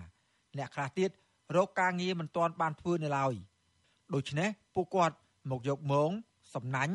ទៅរកត្រីតាមអូរប្រឡាយធម្មជាតិនៅប្រទេសថៃ ដើម្បីបានត្រីធ្វើម្ហូបពួកគាត់អ្នកខ្លះរកត្រីអ្នកខ្លះបេះបន្លែគ្រាន់បានដោះទាល់ក្នុងគ្រាខ្វះខាត និងមិនទាន់មានការងារធ្វើបែបនេះពួកនោះគេដើររាវបានហើយឯងដាក់បានពួកនោះរាវបានតែទ្រពប៉ះថាទ្រពប៉ះថាសម្រាប់ហ្មងដៃកាន់ត្រីមួយថងមានត្រីអណ្ដែង និងត្រីផ្លានីនដែលទើបដាក់មងបាន លោកស្រីព្រំស្រីពៅ ទើបមកពីខេត្តបៃលិនមករកការងារធ្វើនៅក្នុងប្រទេសថៃ ជាង1ខែមកហើយលោកស្រីទើបនឹងចូលធ្វើការងារបាន2 3ថ្ងៃតែលោកស្រីមិនទាន់មានលទ្ធភាព មានប្រាក់ជួលបន្ទប់ស្នាក់នៅឡើយទេ ស្ត្រីវ័យ28ឆ្នាំរូបនេះនិយាយទាំងមុខញញឹមថាពេលរកត្រីបាន លោកស្រីសប្បាយចិត្តព្រោះបានត្រីធ្វើម្ហូបលោកស្រីសរសើរថា ត្រីដែលរកបានពីប្រឡាយនេះ ជាត្រីមានរសជាតិឆ្ងាញ់ជាងត្រីទិញនៅទីផ្សារ រួចទៅយើងបានរួចធូរបានមួយពេលមួយពេលអញ្ចឹងយកទៅស្លអញ្ចឹងទៅប្រឡាក់ហាលប្រឡាក់អីអឺអត់តាន់បានជួលបន្ទប់គេហៅនៅបន្ទប់បងនៅសិនយកអត់តាន់មានលុយជួលទេយើងស្រួលដែរបងកាត់ឲ្យនៅសិនអញ្ចឹងដល់ពេលយើងមានលុយទៅយើងសុំកាត់ទៅជួលផងនៅកន្លែងផ្សេងពលកររកត្រីនៅទីនេះអ្នកខ្លះដាក់មងអ្នកខ្លះបងសំណាញ់អ្នកខ្លះដាក់សន្ទូចក្រៅពីអ្នករកត្រីក៏មានពលករផ្សេងទៀតដើរបេះស្លឹកបាសដែលដុះតាមច្រាំងប្រឡាយ ពលករម្នាក់ទៀតលោកសាយគុណកំពុងអោនងើបអោនងើបក្បែរច្រាំងប្រឡាយរីមងលោកសាយគុណឲ្យដឹងថា លោកមកដល់ប្រទេសថៃបានជាង10ថ្ងៃពេលមកដល់ប្រទេសនេះលោកអស់ប្រាក់ពីខ្លួន រហូតគ្មានប្រាក់ជួលបន្ទប់ស្នាក់នៅ និងប្រាក់សម្រាប់ចំណាយថ្លៃហូបចុកប្រចាំថ្ងៃនោះទេលោកឆ្លៀតមករកត្រីរៀងរាល់ចុងសប្តាហ៍ជាពេលដែលបានសម្រាកពីការងារលោកយល់ថា ការមករកការងារធ្វើនៅក្នុងប្រទេសថៃតតែប្រឹងសន្សំសំចៃទើបអាចសល់ប្រាក់ផ្ញើជូនទៅឪពុកម្ដាយនៅស្រុកខ្មែរថ្ងៃអាទិត្យថ្ងៃថ្ងៃអាទិត្យប៉ុន្តែថ្ងៃថ្ងៃបងគេឈប់ចឹងទៅបានមកថ្ងៃសៅរ៍ចឹងទៅនៅមិនសូវបានច្រើនបានត្រីដែងត្រីឡានីតគឺខាងខយយើងគឺចាយវាលើមហូបលើអីដែរសល់លុយសល់កាក់យើងទុកក្រុមពលកររោគត្រីទើបតែបានមួយសម្ល ស្រាប់តែមានពលករម្នាក់ឆ្លើងទៀមជើងពួកគាត់ម្នាក់ម្នាក់ភ័យស្លន់ស្លោរត់ឡើងលើគោកលែងហ៊ានរកត្រីបន្តទៀតហើយពួកគាត់ក៏នាំគ្នាសាមងទៅរកកន្លែងសម្រាប់វិញ គឺនៅការិយាល័យអង្គការសង្ត្រាល់ដែលអនុញ្ញាតឲ្យពលករខ្វះខាតទាំងនោះស្នាក់នៅបណ្ដោះអាសន្ននៅទីនោះក្រុមពលករធ្វើបាយម្ហូបពិសាជុំគ្នាអង្គការសង្ត្រាល់ក្រៅពីផ្ដល់កន្លែងស្នាក់នៅបណ្ដោះអាសន្ន ក៏បានផ្ដល់អង្គឲ្យពួកគាត់ដាំបាយហូបផងដែរពលករម្នាក់ទៀតលោកធីពឿនមានអាយុ38ឆ្នាំ មានស្រុកកំណើតនៅខេត្តបៃលិន បានរៀបរាប់ថាទម្រាំលោកធ្វើដំណើរមកដល់ប្រទេសថៃ គឺត្រូវចំណាយប្រាក់ទាំងថ្លៃឯកសារនិងថ្លៃធ្វើដំណើរអស់ជាង300ដុល្លារលោកថាប្រសិនបើគ្មានអ្នកផ្ដល់កន្លែងស្នាក់នៅបណ្ដោះអាសន្នដូចជាអង្គការសង្ត្រាននោះទេលោកនិងភរិយា មិនដឹងថានឹងត្រូវទៅរស់នៅទីណានោះឡើយអស់ច្រើនមិនម៉ែអស់ច្រើនហើយក្នុងម្នាក់ធ្វើប៉ាសពតនៅយើងនៅស្រុកខ្មែរនោះអស់215ដុល្លារហើយយើងជិះឡានហើយតាមផ្លូវនាំគេនាំមកយើងមកចូលទៀតប្រហែលជា4000ទៀតគាត់ជួយអង្គហើយជួយទឹកនេះគាត់ជួយច្រើនណាស់ជួយមកហូបភ្លើងបីទឹកខាងទឹកខាងអីគាត់ជួយចាគាត់ស្គាល់ឡើងគាត់ពិបាកហើយបើយើងទៅមកយើងពិបាកយើងមកពីខ្មែរមកយើងដាច់លុយប៉ិត អញ្ចឹងយើងក៏ពិបាកស្ម័គ្រឡើងការងារការិយាល័យអង្គការសង្ត្រាល់នៅក្នុងប្រទេសថៃគឺអង្គការនេះបានជួលផ្ទះមួយកន្លែងស្ថិតនៅក្នុងខេត្តជន់បុរីមានពីរបន្ទប់និងកន្លែងទទួលភ្ញៀវមួយបន្ទប់ជាកន្លែងរបស់បុគ្គលិកអង្គការប្រចាំប្រទេសថៃបំពេញការងារបន្ទប់ទំនេរមួយទៀតគឺផ្ដល់ឲ្យពលករដែលមានប្តីឬប្រពន្ធស្នាក់នៅ ចំណែកពលករផ្សេងទៀតគេងនៅកន្លែងទទួលភ្ញៀវ មន្ត្រីផ្នែកការពារសិទ្ធិពលករចំណាក់ស្រុកនៃអង្គការសង្ត្រាល់ប្រចាំនៅក្នុងប្រទេសថៃ លោកលឹងសុផុនបានឲ្យវិទ្យុអសីស្រីដឹងថាក្រមពលរដ្ឋដែលមកសុំការិយាល័យអង្គការរបស់លោកស្នាក់នៅបណ្ដោះអាសន្ននៅពេលនេះមានចំនួន9នាក់លោកបន្តថាពលករទាំងនេះមកដល់ប្រទេសថៃរកការងារធ្វើតែមិនទាន់បានចូលធ្វើការងារឡើយហើយក៏មានពលករខ្លះទៀតបាត់បង់ការងារដែលគ្មានប្រាក់វិលត្រឡប់ទៅស្រុកវិញ ឬរកការងារថ្មីមិនទាន់បានទើបពួកគាត់មកសុំការិយាល័យអង្គការរបស់លោកស្នាក់នៅបណ្ដោះអាសន្នលោកបន្តថានៅកន្លែងស្នាក់នៅអង្គការរបស់លោក បានផ្ដល់អង្គឬមហូបដល់ពលរដ្ឋនិងបានតាក់ទងទៅមេការជនជាតិខ្មែរដែលធ្វើការងារតាមរោងចក្រនៅក្នុងប្រទេសនេះដើម្បីជួយសម្រួលឬអាចជួយឲ្យពលករទាំងនោះបានចូលធ្វើការអ្នកខ្លះទៅដែលបន្ទប់វាតូចផងហើយណាមួយទៀតអឺ គាត់មានប្រុសស្រីអញ្ចឹងក៏ទៅដេកនៅផ្ទះខ្ញុំផ្ទាល់ខ្លួនដែលខ្ញុំចូលផ្ទះមួយកន្លែងទៀតសម្រាប់ឲ្យពួកគាត់អឺរស់នៅអញ្ចឹងនៅពេលដែលពួកគាត់រងចាំបានការងារធ្វើទៅគាត់មានប្រាក់ខែទៅគាត់ក៏សម្រាប់ចិត្តដូរកន្លែងទៅទៅរកកន្លែងបន្ទប់ណាដែលដែលគាត់រស់នៅបានអញ្ចឹងណាបាទជួយគាត់ក្នុងគ្រាក៏ជួយគាត់ដូចជាទិញក៏ទិញសម្ភារៈដែលគាត់ហូបចុកហ្នឹងគាត់ហូបបាននឹងជួយគាត់តាមអ្វីដែលអាចជួយបានណាបងក្រសួងការងារឲ្យដឹងថា មានពលករ1លាន3សែននាក់កំពុងធ្វើការងារនៅក្នុងប្រទេសថៃប៉ុន្តែអង្គការសង្ត្រារកឃើញថាពលករខ្មែរធ្វើការងារនៅក្នុងប្រទេសនេះមានជាង2លាននាក់បូករួមទាំងពលករដែលគ្មានឯកសារគ្រប់គ្រាន់ផងក្រមពលករខ្មែរទម្រាំអាចមកធ្វើការងារនៅក្នុងប្រទេសថៃនេះបាន គឺត្រូវចំណាយប្រាក់ច្រើនចាប់ពី300ដុល្លារទៅ500ដុល្លារឬច្រើនជាងនេះដើម្បីធ្វើឯកសារនិងត្រូវចំណាយមួយចំនួនទៀតសម្រាប់ការធ្វើដំណើរ ហើយប្រសិនបើពួកគាត់ឆ្លងដែនខុសច្បាប់ត្រូវចំណាយប្រាក់ជិត200ដុល្លារទៀតទម្រាំអាចចូលប្រទេសថៃបាន អ្នកខ្លះមានឯកសារគ្រប់គ្រាន់ហើយតែពេលមកដល់ប្រទេសថៃរកការងារធ្វើមិនបានឬក៏ត្រូវអ្នកនាំឬហៅថាមេខ្យល់ដែលនាំមករកការងារធ្វើនោះបោះបង់ចោលខ្ញុំបាទសេកបណ្ឌិតវិទ្យុអាស៊ីសេរីពីរដ្ឋធានីវ៉ាស៊ីនតោន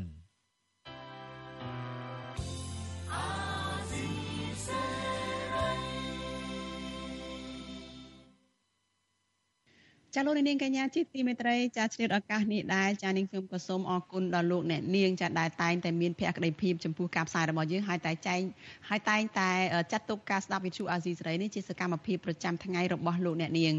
ចាការចូលរួមគ្រប់គ្រងរបស់លោកអ្នកនាងនេះហើយដែលធ្វើឲ្យយើងខ្ញុំកាន់តែមានទឹកចិត្តក្លាហាននិងមោះមុតនៅក្នុងការស្វែងរកព័ត៌មានពិតមកផ្សព្វផ្សាយជូនលោកអ្នកនាង ចាយើងខ្ញុំក៏សូមអញ្ជើញលោកអ្នកនាងចាជួយជំរុញឲ្យការផ្សាយរបស់យើងនេះកាន់តែជោគជ័យបន្ថែមទៀតចាដោយលោកអ្នកនាងគ្រាន់តែចាចុចចែករំលែកការផ្សាយរបស់វិទ្យុអាស៊ីសេរីនេះចានៅលើបណ្ដាញសង្គម Facebook YouTube និង Telegram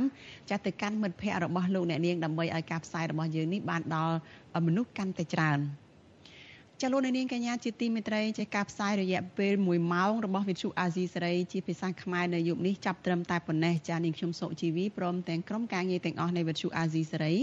ចាសសូមជូនពរដល់លោកអ្នកនាងកញ្ញានិងក្រុមគ្រួសារទាំងអស់ចាសសូមប្រកបតែនឹងសេចក្តីសុខសុភមង្គលនិងសុខភាពល្អកុំបីឃ្លៀងឃ្លាតឡើយ